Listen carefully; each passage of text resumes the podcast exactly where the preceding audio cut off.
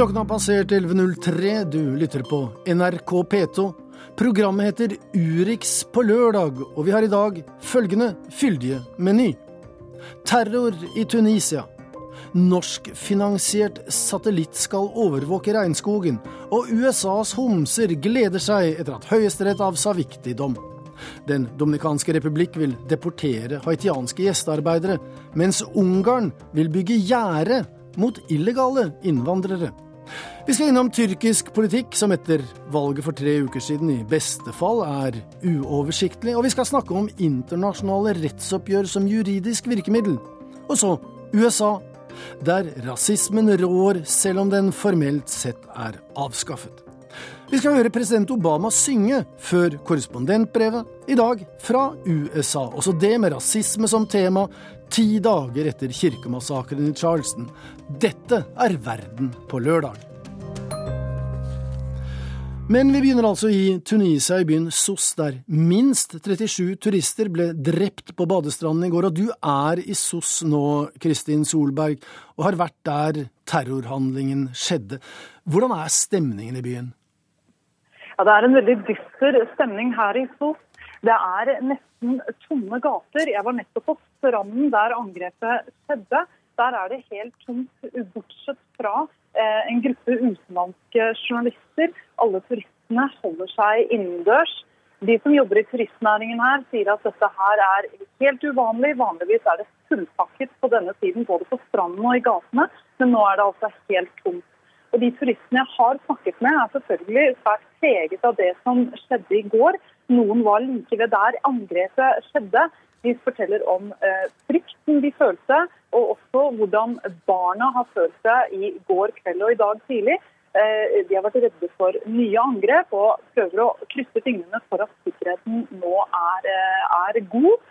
Eh, men mange her ønsker å avbryte ferien og, og dra hjem. Og Vi ser også busser som busser turister fra hoteller til flyplassen og hjem igjen. Tunisia har varslet at en rekke moskeer skal stenges. Sprekker nå det bildet vi har av eh, Tunisia som det landet der den arabiske våren faktisk var vellykket? Vel, det er nok et bilde som er litt nyansert. Det går nok mye bedre i Tunisia enn det det gjør i f.eks. nabolandet Libya eller eh, i Syria. Eh, og det, det, vil fortsatt holde. Men det er klart at Tunisia har hatt et betydelig problem med jihadister. Det har vært det landet som har sendt flest jihadister til eh, borgerkrigen i Syria. Det er også mange her som har reist til Libya. Og det er klart at det blir et problem for landet når disse da kommer tilbake igjen. Eh, vi har jo også sett at det tidligere har vært terrorangrep her mot turister. Det var for fire måneder siden dette angrepet mot museet, Bardot-museet, der 22 mennesker ble drept. Og myndighetene håper at dette ikke skal skje igjen. Men det er, det er, likevel en risiko for at det kan gjøre nettopp det. Nettopp pga. Eh, det problemet eh, Tunisia har med, med ekstrem. Ja, for Der er vi inne på et eh, viktig poeng, Kristin Solberg. Kort til slutt. Dette rammet turister, men det rammet jo også turismen. Hvordan vil dette ramme tunisisk økonomi? Tunisisk økonomi er veldig avhengig av turismen. Det er 6% 7 eh, av eh, bruttonasjonalproduktet kommer fra turisten. Eh, det er også 6 millioner som kommer hit hvert år. Det kan komme til å få betydelige konsekvenser både for landets økonomi og for folks jobber. Som her i Stos, der jobber de aller fleste med turismen på et eller annet vis. De frykter nå at jobbene og økonomien kan gå tapt. Der sier vi takk til eh, Kristin Solberg i SOS i denne omgang. Vi får høre mer fra henne både i ukeslutt om eh, et par timer, og også da i senere sendinger i radio og TV. Da skal vi så til noe ganske annet, som vi da sier altfor ofte her i radioen. Vi skal til Fransk Guyana på den latinamerikanske nordøstkysten, der det denne uken skjedde en omveltning i overvåkningen av det store norske regnskogprosjektet i Amazonas. For en delvis norskfinansiert satellitt skal nå være med på å avsløre om det jukses med de norske regnskogpengene. Jungelen er tett ved rombasen utenfor byen Kourou i fransk Guyana. Her skyter Europa opp satellitter. Den siste satellitten som forlot oppskytningsrampen, het Centennial 2A. Den har blant mange oppdrag en spesiell jobb å gjøre for den tropiske regnskogen. Seniorrådgiver Dag Anders Mollestad ved Norsk Romsenter fulgte med i fransk Guyana da satellitten ble gjort klar for oppskyting. I forhold til kartlegging av regnskogen i eh, de ulike regnskogslandene, så får vi en regelmessig oversikt med et detaljnivå som vi aldri har hatt før fritt tilgjengelig. Hvert år bevilger Norge tre milliarder kroner som skal brukes til å bevare skog. Skog som bevares, holder karbon på bakken og bidrar til at det er mindre karbondioksid, den skumle klimagassen, i atmosfæren. Mesteparten av pengene brukes til å bevare den tropiske regnskogen. Derfor blir midlene ofte kalt regnskogsmilliarder. Og milliarder av kroner kan kanskje friste uærlige sjeler, nå får vi et sikkert verktøy, sier avdelingsdirektør ved Norsk Romsenter, Terje Wahl. Landene skal jo kunne dokumentere at det ikke eh, hugges eh, mye skog. Og da vil satellitter være en slags sånn, si, nøytral overdommer som kan eh, bekrefte det. Ah, topp.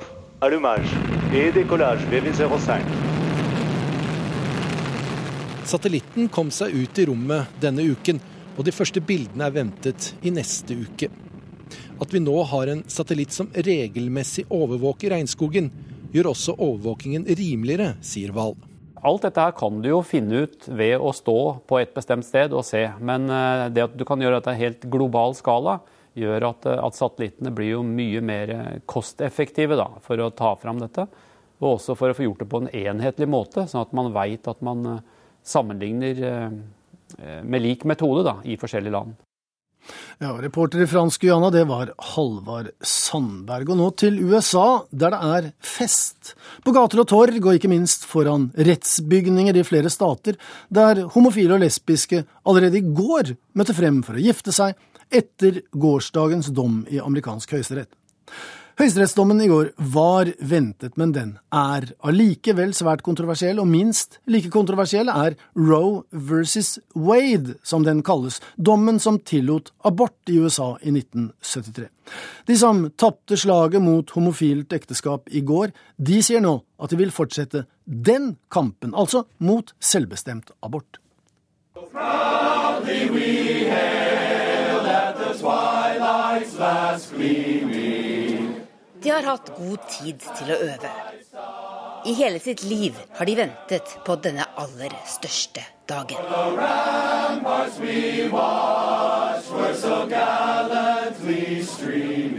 Og nå står et homofilt mannskor i blå T-skjorter på Capitol Hill og synger nasjonalsangen omkranset av folk som vifter med regnbueflagg. Stemningen er ekstatisk.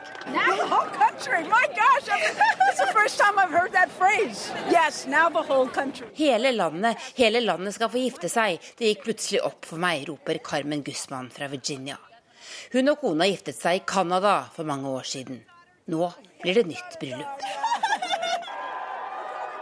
Jubelen runget to minutter over ti lokal tid i går, da assistentene kom løpende ut av høyesterettsbygningen med kopier av dommen som for alltid vil bli en viktig og omstridt del av amerikansk historie.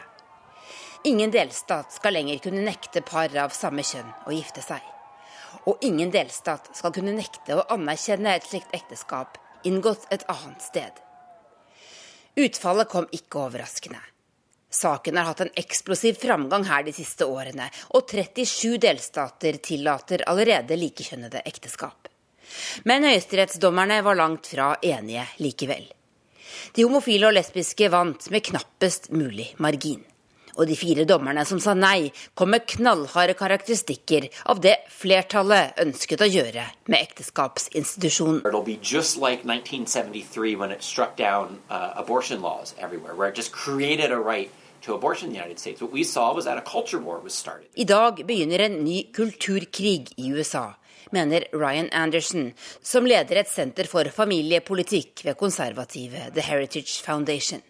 Dette vil bli like splittende som abortkrigen, som ble utløst av dommen Roe mot Wade i 1973, mener han.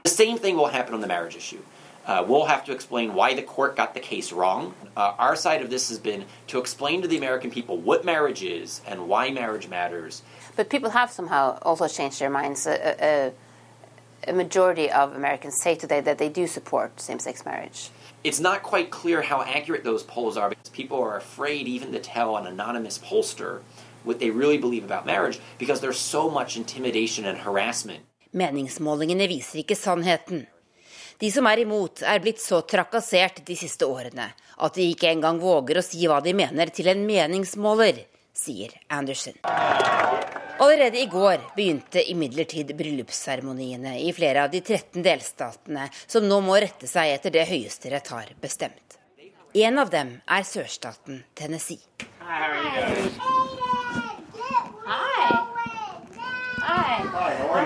Og i et stort, koselig hus i en forstad til Memphis bor to som ikke har rukket å tenke på å planlegge bryllupsfesten ennå. For Adam Kalin og Jeff Shipman handler det meste om to små afroamerikanske karer.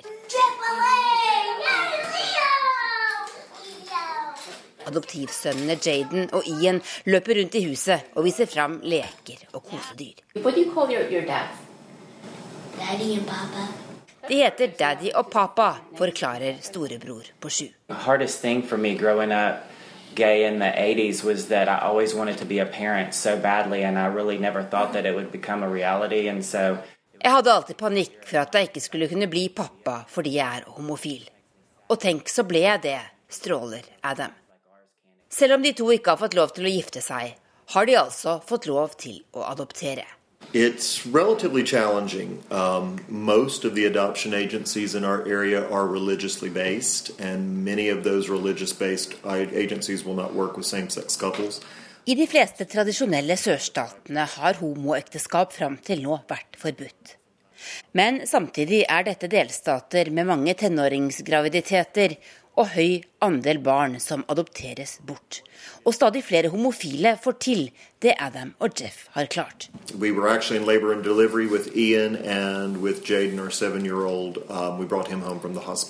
De fikk begge barna som nyfødte, og har hele tiden vært urolige for at de ikke er gift. Derfor blir det bryllup så fort som overhodet mulig nå, forklarer Jeff Shipman because of the way the laws were whenever our, we adopted our seven year old. Um, I've never been able to formally adopt him personally. He was done as a single parent adoption. And that would allow me to formally adopt him and actually be legally recognized as his father as well. So it's very important for us to be able to be married to solidify and uh, protect our family. Og vår reporter i USA, det var korrespondent Tove Bjørgaas.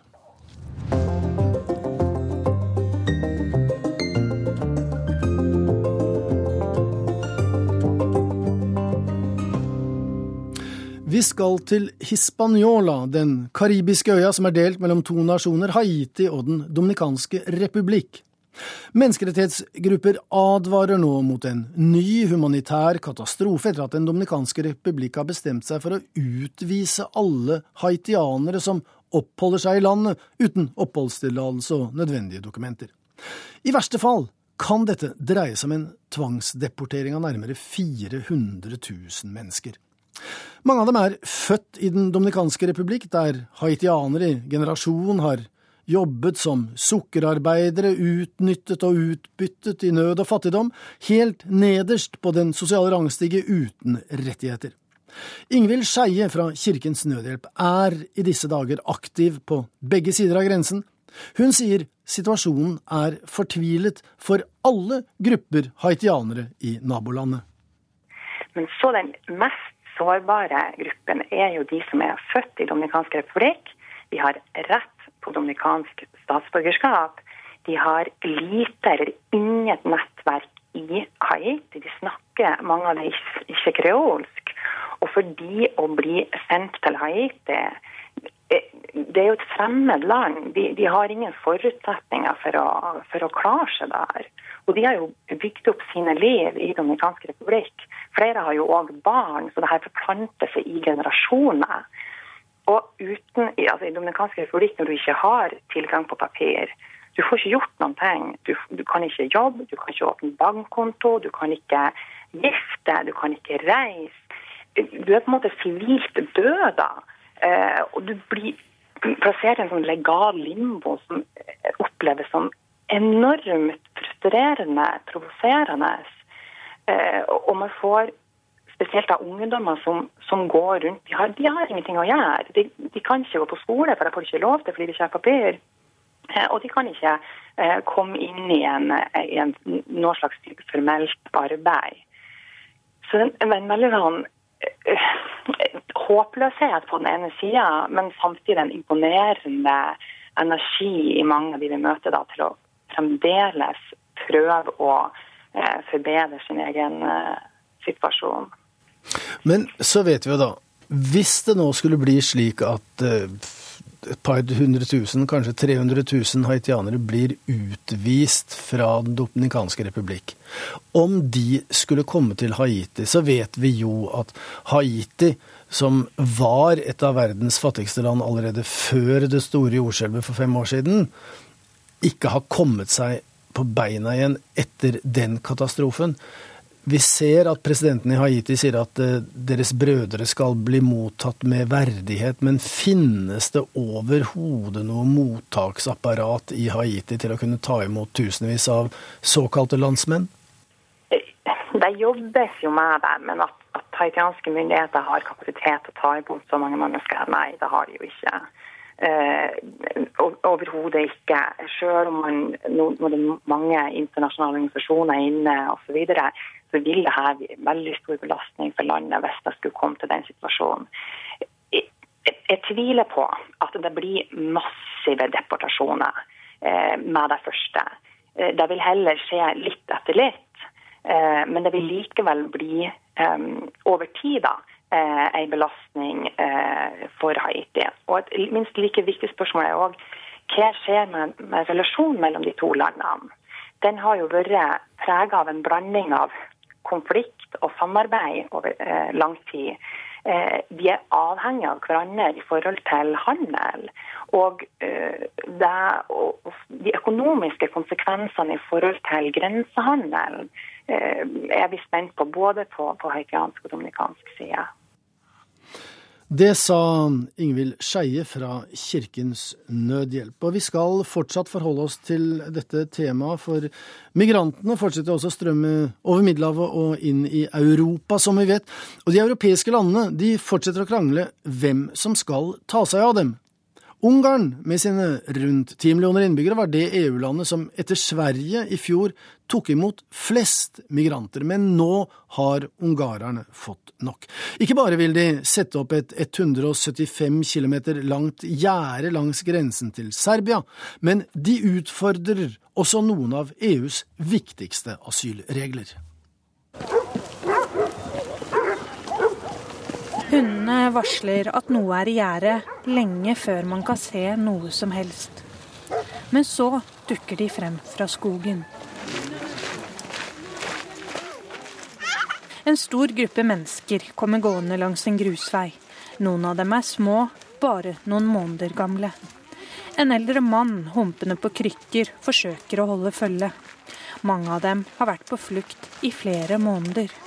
Taliban, Daesh, and kidnapping, time bomb every day. We are, we are so sad about that. That's why we left Afghanistan. Vi har rømt fra Taliban, IS og kidnapping, forteller en av dem. Det er som en tikkende bombe, og vi er så ulykkelige. Derfor forlot vi Afghanistan. Nå befinner de seg på grensen mellom Serbia og Ungarn. På grensen til EU på grensen til det de håper kan være en ny sjanse til et godt liv. Det har de risikert altfor. Den grensen vil Ungarn stenge. De skal bygge et fire meter høyt gjerde, nettopp for å holde sånne som dem ute. De har nemlig så altfor mange av dem fra før, mener ungarske myndigheter. 53 000 ulovlige innvandrere kom til Ungarn i løpet av årets fem første måneder. Det er det høyeste antallet i hele EU. Det overgår til og med antallet som kommer til Italia og Hellas, sier Soltan Kovacs, som er talsmann for den ungarske regjeringen. Av den grunn mener Ungarn at EUs forslag om å fordele byrden med migranter som ankommer Italia og Hellas, likt mellom medlemslandene, bør skrinlegges. Landets statsminister Viktor Orban har uttalt at forslaget er på grensen til galskap. For mange av dem som flykter over Middelhavet til Hellas eller til lands via Tyrkia, velger ruten gjennom Balkan til Ungarn. Deres endelige mål er som regel rike europeiske land som Tyskland, Sveits, Sverige og Østerrike. Men kommer de seg inn i Ungarn, er mye gjort. Da er de nemlig inne i Schengen-området og kan bevege seg videre fra land til land med liten fare for å bli stoppet av grensevakter, passkontrollører og politi.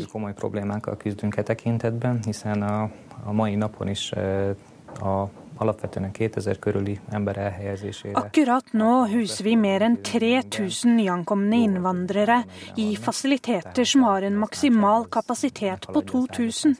Vi har seriøse problemer med å takle dette, sier direktøren for Ungarns innvandringsdepartement, Arpad Sepp. Så store problemer at ungarske myndigheter denne uka gikk ut og sa at det ikke kom på tale at de ville ta imot asylsøkere som andre EU-land sender tilbake. Reaksjonene var kraftige, og flere mener at Ungarn bryter spillereglene i Dublin-samarbeidet, som innebærer at en søknad om asyl skal behandles i det landet som søkeren først kommer til.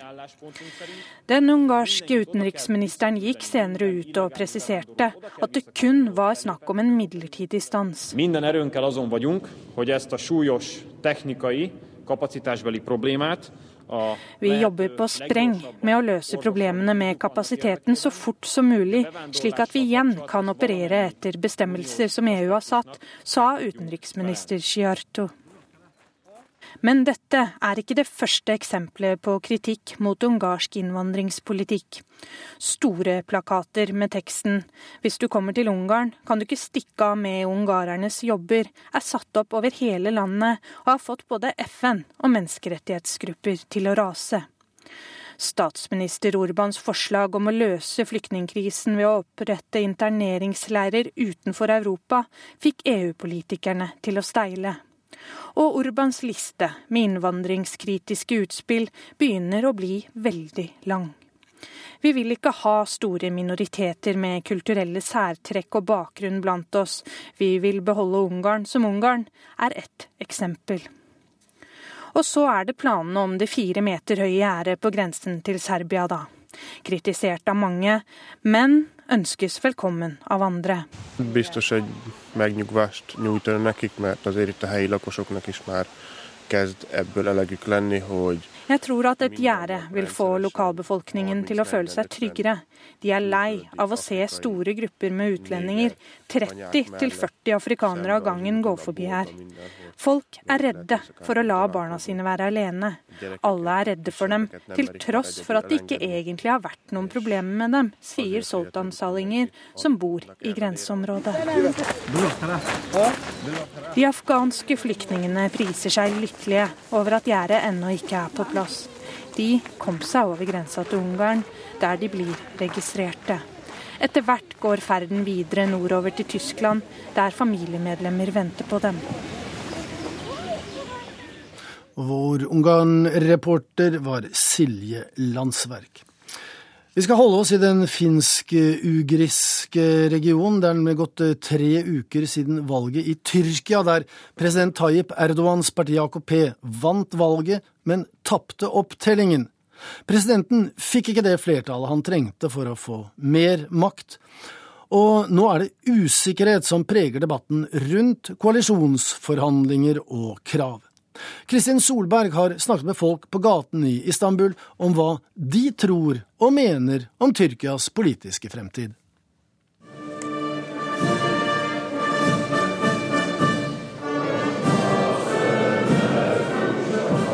De står rakryggede til nasjonalsangen, de 550 nye folkevalgte som møtes i parlamentet i Ankara for første gang etter valget. I en seremoni som varer til langt på natt, sverger de troskap til landet, grunnloven og republikkens grunnlegger Atatürk. Vatanın ve milletin bölünmez bütünlüğünü, milletin kayıtsız ve şartsız egemenliğini Det er en ed folkevalgte har tatt etter tidligere valg, men sjelden er den blitt fulgt så nøye av tyrkiske medier som nå. De spekulerer i uttalelser, hemmelige møter eller talende kroppsspråk. For i år er ikke dette bare en traust seremoni, men starten på en ny politisk virkelighet i Tyrkia. Den er så ny at ingen vet helt hva den er, eller hva den vil bringe. Avisene varsler en het politisk sommer etter at president Recep Tayyip Erdogans parti for første gang siden 2002 blir nødt til å danne en koalisjonsregjering. Presidenten selv lider sitt største politiske tilbakeslag etter at han ikke fikk nok stemmer til å endre grunnloven og gi seg selv mer makt.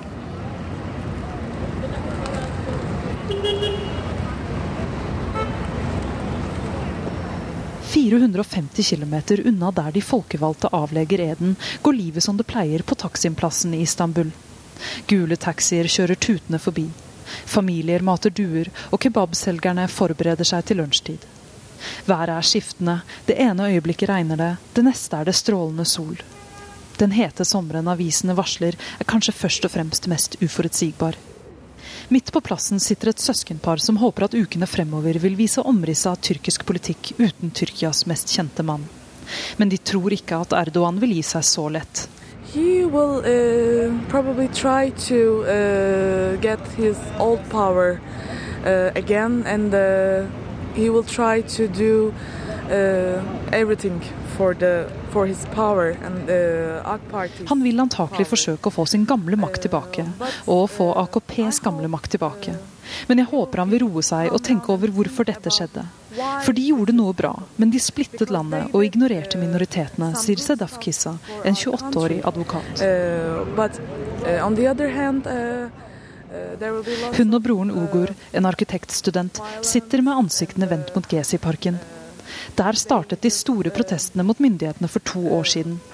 De ble brutalt slått ned på av politiet, og flere ble drept, mange skadet. Søsknene deltok i protestene, og mener ånden fra de dagene nå har seiret.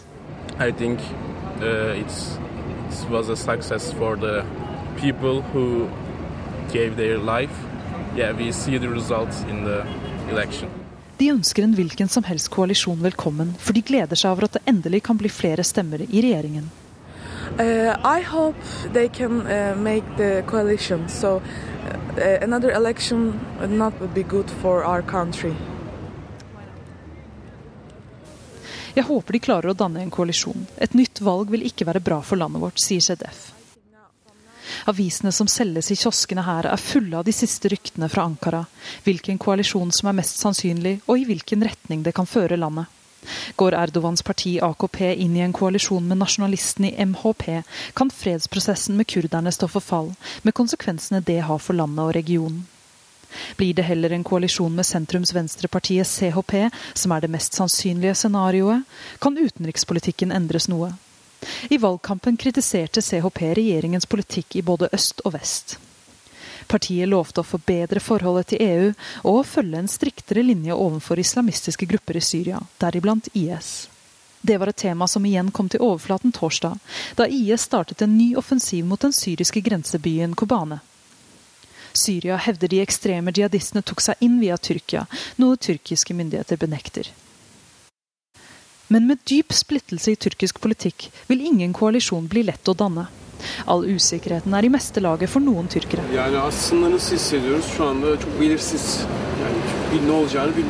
Vi vet ikke hva som kommer til å skje.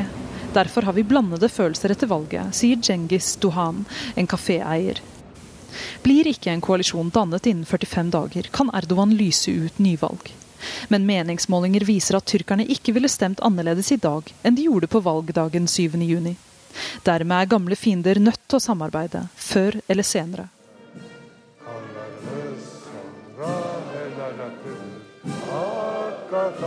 Seremonien i Ankara tyder på hvor vanskelig det kan komme til å bli.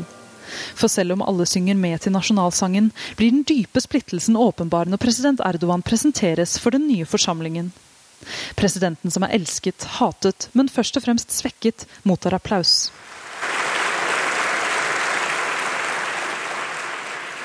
Men bare fra representanter for hans eget parti. Folkevalgte fra andre partier klapper ikke. Det kan bli en lang, usikker sommer i Tyrkia.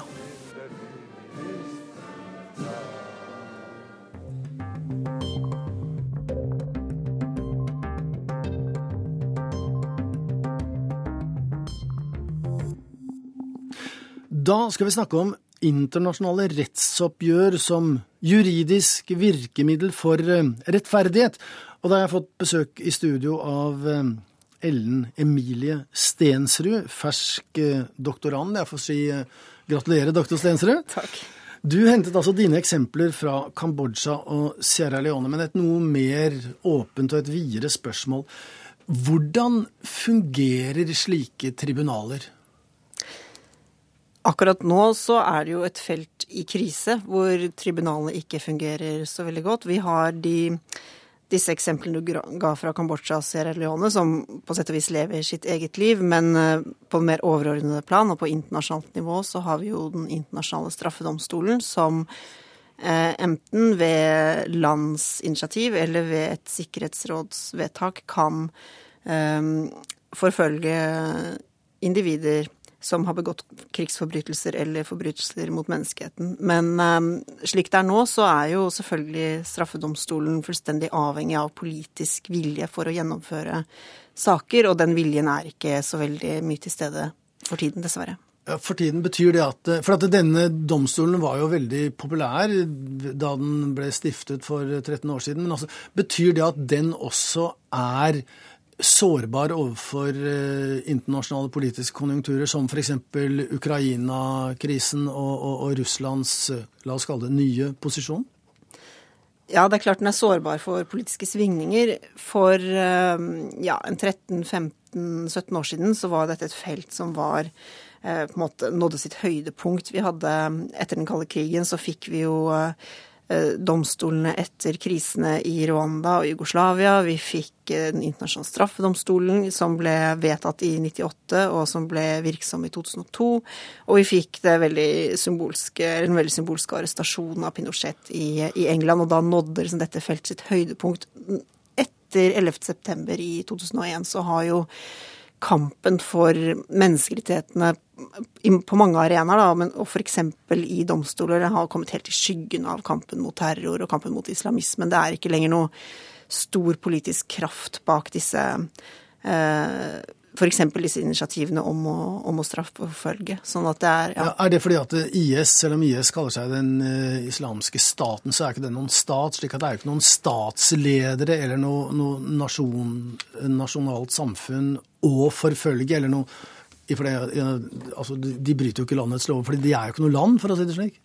Nei, det er egentlig ikke så mye det. Det handler mer om at det er andre politiske saker som får prioritet. Når det gjelder Syria-konflikten, så var det jo for ja, litt over et år siden et uh, initiativ for å få eh, satt krigsforbrytelsene som blir begått i Syriakrigen på agendaen i Den internasjonale straffedomstolen. Men det ble det jo lagt ned veto mot i Sikkerhetsrådet av Kina og Russland.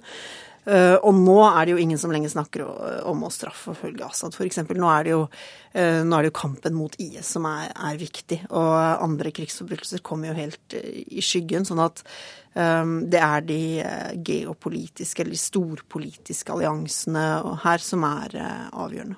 Men altså, veldig mange i hvert fall vil jo si at de er for lov og rett og, og, og for rettsstaten. Eh, snakker om konjunkturer, men, men, hva er de egentlige ankepunktene eller argumentene fra motstanderne?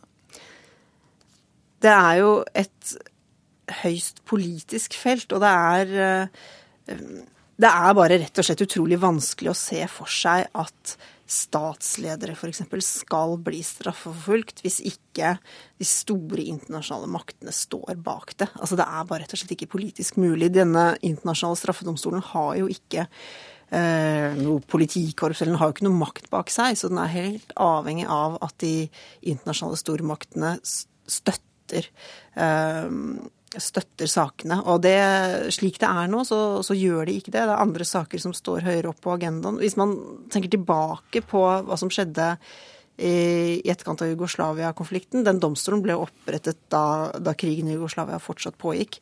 Og det var vel nesten ingen som kunne se for seg da at, at Milosevic faktisk skulle bli brakt til domstolen i Haag. Men så endret eh, dynamikken i konflikten seg, og over lang tid så ble det i ehm, de serbiske ledernes interesse å overgi de største forbryterne i, ehm, i, det tidligere Jugoslavia mot å få forhandlinger med EU eh, som på en måte betaling for det. Da. Sånn at det er et maktpolitisk eh, spill som ligger bak veldig mange av disse suksessene som domstolene har hatt også.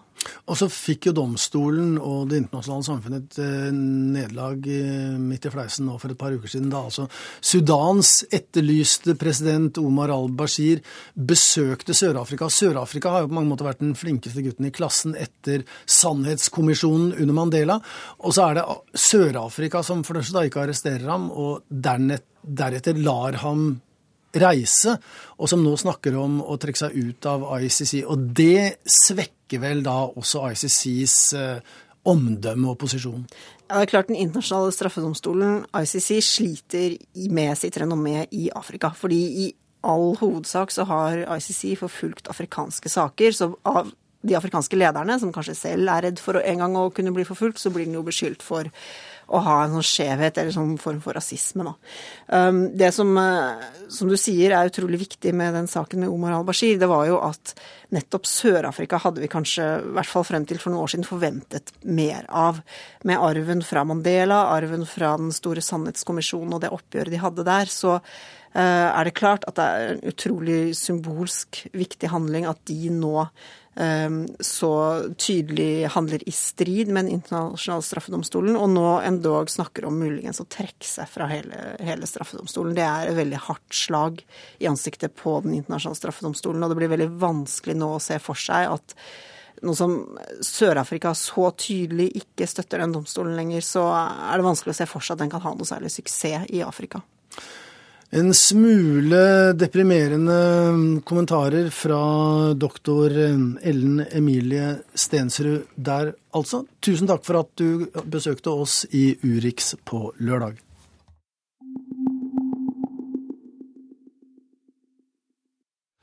Nå skal vi til USA, der presten som ble drept under massakren i Emanuelkirken, Clementa Pinkney, ble begravet i går. Det er ti dager siden en ung, hvit mann som ifølge egne opplysninger ønsket å utløse en rasekrig, drepte ni svarte mennesker i Emanuelkirken i Charleston i South Carolina i det som blir kalt rasistisk hatkriminalitet. President Obama deltok i seremonien i går og holdt en tale som det allerede går gjetord om, og overrasket alle ved å lede menigheten i salmesang. Sing grace. How sweet the sound that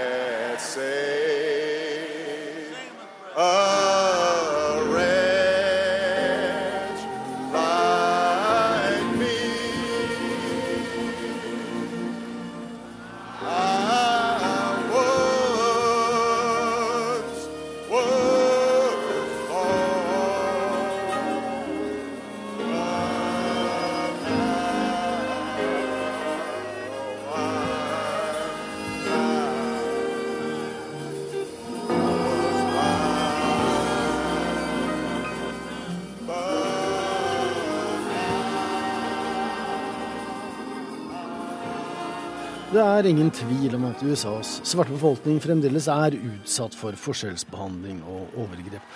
Og denne sommeren er i den sammenheng helt spesiell, for det er 150 år siden borgerkrigen tok slutt. Hvilket var det kostbare, men endelige sluttpunktet også i sørstatene for slaveriet. 600,000 had died.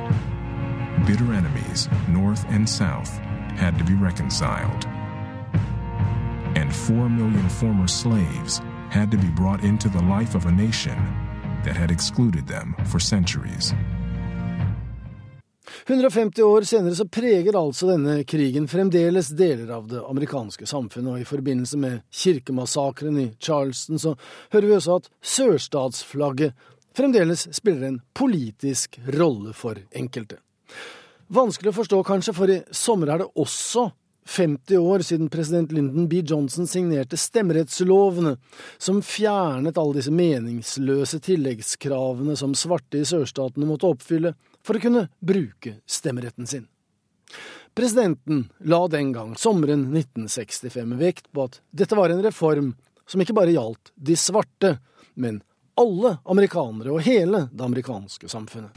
Because it's not just Negroes, but really it's all of us who must overcome the crippling legacy of bigotry and injustice. And we shall overcome. Og så er det altså sju år siden svarte amerikanere begynte å tro at for første gang kunne kanskje en svart mann bli president. Det ville i så fall fullføre drømmen om likestilling og likeverd. Men kunne de klare det? Yes, we can.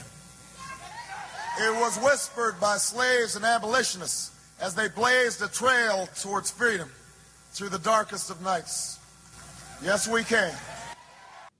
Anette Groth, du var eh, NRKs eh, korrespondent i eh, den perioden vi nettopp hørte et kutt fra.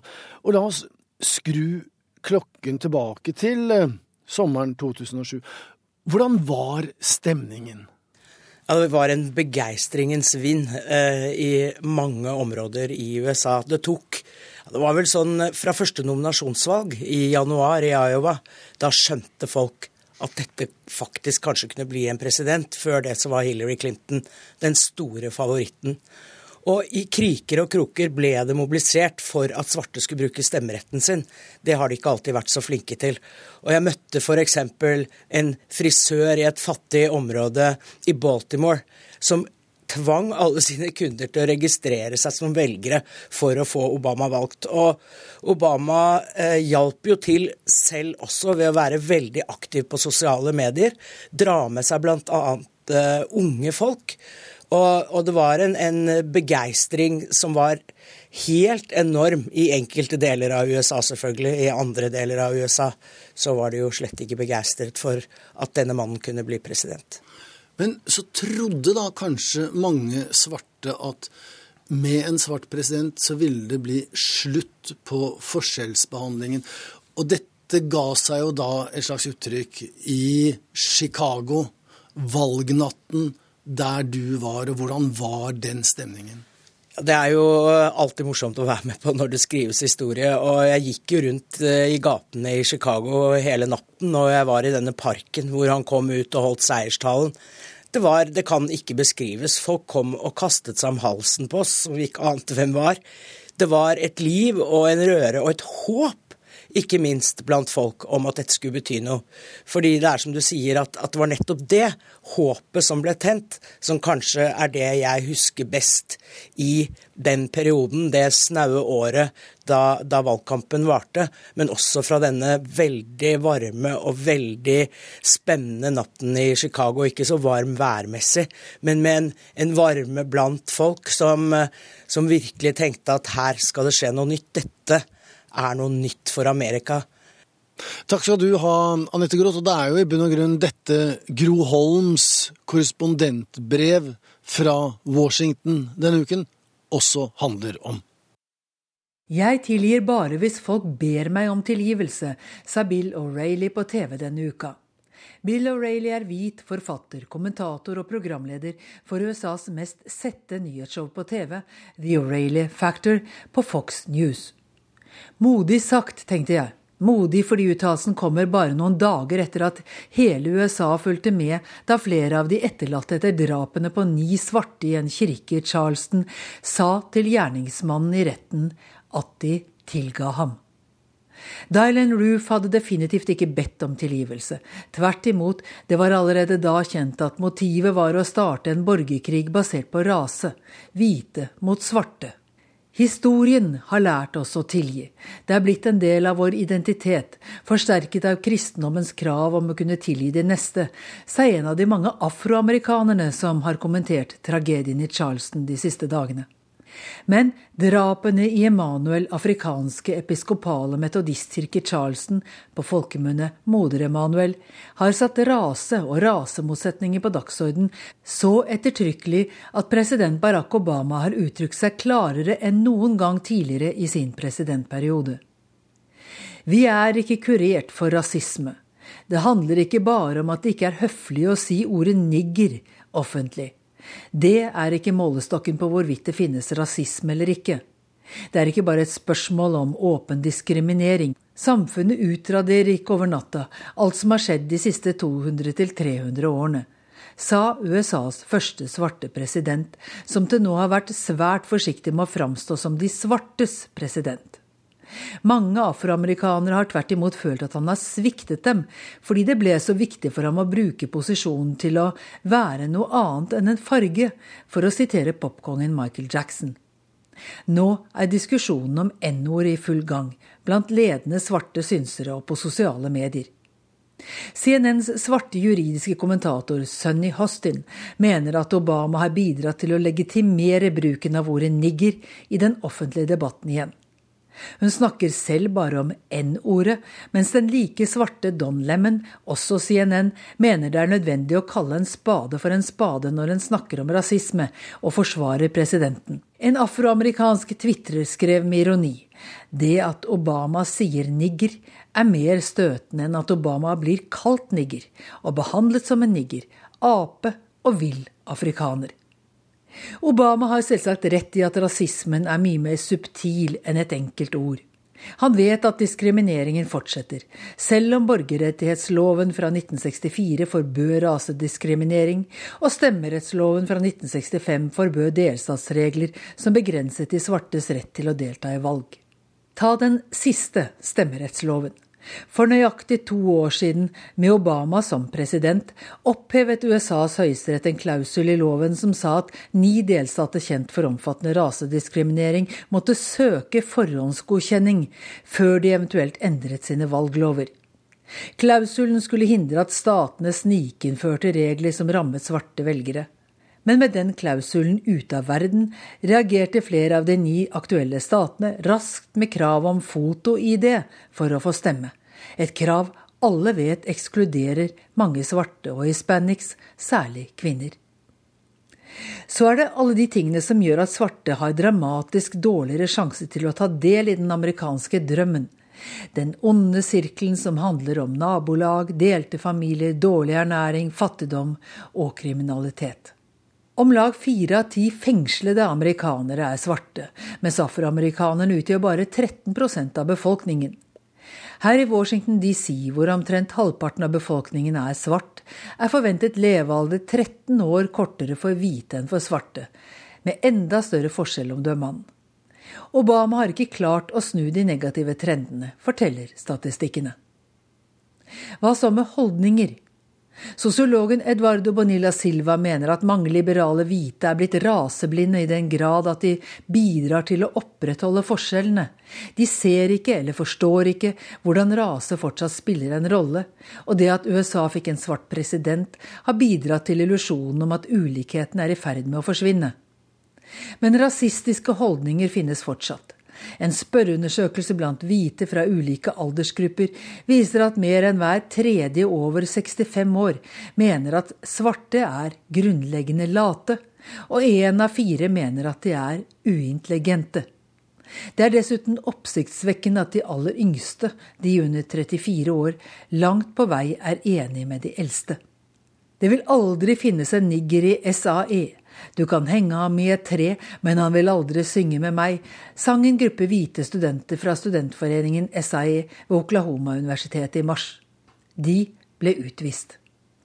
Men tilbake til Sør-Carolina, en delstat som opprinnelig ble bygget med slavearbeid, hvor Ku Klux Klan fortsatt opererer, og hvor flere organisasjoner fortsatt er for segregering.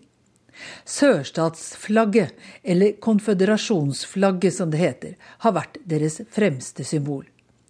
Flagget som fortsatt vaier på full stang ved siden av delstatsforsamlingen i Sør-Carolina, er ikke et hvilket som helst.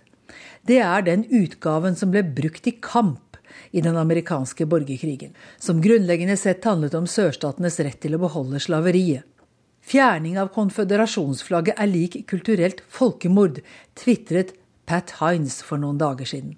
Han leder Sørstatsligaen, som på hjemmesiden tar til orde for løsrivelse fra USA og forsvar av anglo-keltisk kultur. Hvis du kaller oss rasister, så er vårt svar hva så? står det å lese. Før kirkemassakren svarte tre av fire hvite i en meningsmåling i Sør-Carolina at flagget burde få henge. Blant dem er det mange som ikke er rasister, men som mener at det bør få vaie til minne om de 20 000 som mistet livet i borgerkrigen. Forstår de ikke hvor provoserende det er for slavenes etterkommere? Hva om det samme argumentet ble brukt om Hitler-Tysklands hakekorsflagg, undrer jeg. Hakekorset er forbudt i Tyskland. Men nå skjer det noe her i USA, og det raskere enn noen hadde trodd. Mandag sa den republikanske guvernøren Nikki Haley at det er på tide å ta ned flagget i Sør-Carolina. Tirsdag stemte et stort flertall i delstatsforsamlingen for å behandle saken. Det trengs to tredels flertall for å ta det ned. Onsdag gjorde guvernøren i sørstaten Alabama kort prosess og fjernet flagget fra delstatsforsamlingen der. I Mississippi har en av senatorene sagt at det er på høy tid, og i Louisiana, Tennessee, Texas, Virginia og i California er det forslag om å fjerne flagg og statuer av militære helter fra konføderasjonssiden i borgerkrigen. Men ikke nok med det. Nå følger flere av USAs mektigste foretak etter. Walmart, Amazon, Target, Sears, eBay de har alle bestemt seg for å slutte å selge sørstatsflagget og gjenstander med bilder av flagget. Flere av de store flaggprodusentene slutter å sy. Det svarte borgerrettighetsaktivister og politikere har forsøkt å få til i så mange tiår, ser nå ut til å være oppnådd takket være en 21 år gammel rasist som brakte det i en slik miskreditt at det blir en belastning selv for konservative republikanere å være flaggets forsvarer. Bildene av Dylan Roof med sørstatsflagget høyt hevet og det amerikanske flagget enten brennende eller under føttene, vil for alltid være en del av historien om de ni som ble meiet ned fordi de var svarte. Skjønt ikke alle ser det slik. Ti medlemmer av delstatsforsamlingen i Sør-Carolina stemte imot å behandle flaggsaken. En av dem, republikanske William Chimley, sa han ikke ville la hatgrupper diktere hva han gjør i viktige spørsmål. Så la han uoppfordret til en kommentar om de ni ofrene. De satt der og ventet på sin tur til å bli skutt. Hvis noen der inne hadde hatt midlene til selvforsvar, hadde vi hatt færre ofre. Den skinnmagre gutten ladet om fem ganger, sa Chimley til CNN. Underforstått, om noen der inne hadde hatt våpen, hadde det vært en smal sak å drepe Roof. Men ingen av afroamerikanerne jeg snakket med i Charleston dagen etter massakren, vil ha våpen inn i kirken. Roof og rasistene skal bekjempes med tilgivelse. Jeg har sett og møtt politikere i indre oppgjør med seg selv, så å si for åpen mikrofon.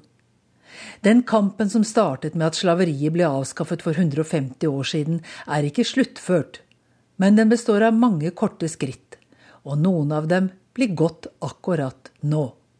De ni døde ikke forgjeves.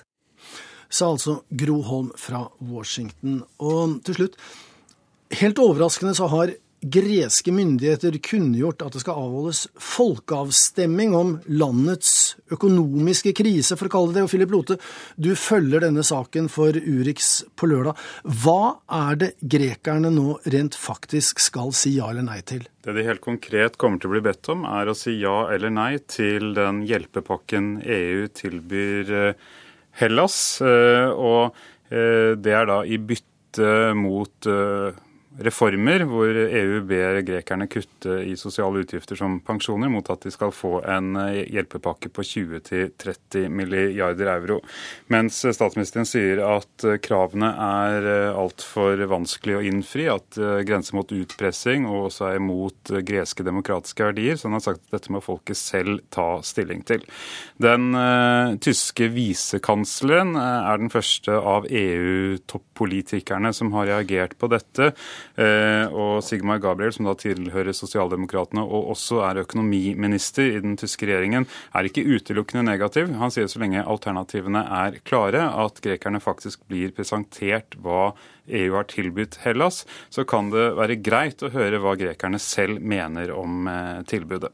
Ja, Da er det for så vidt synd for grekerne at han ikke har stemmerett, for det er jo grekerne som skal bestemme, og vi vet jo at det er betydelig motstand.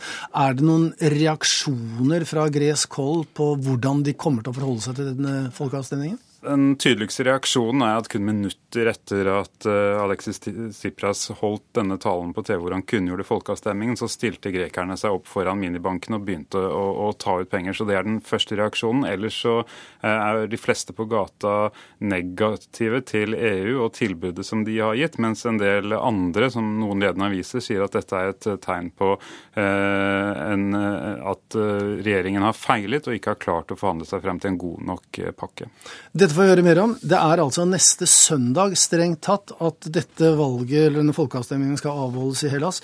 Mange gode medarbeidere har bidratt til denne sendingen. De tre av oss som har vært her i dag for å få denne på luften, det er Ida Skogvold, det er Stein Nybakk og meg selv, Joar Hoel Larsen.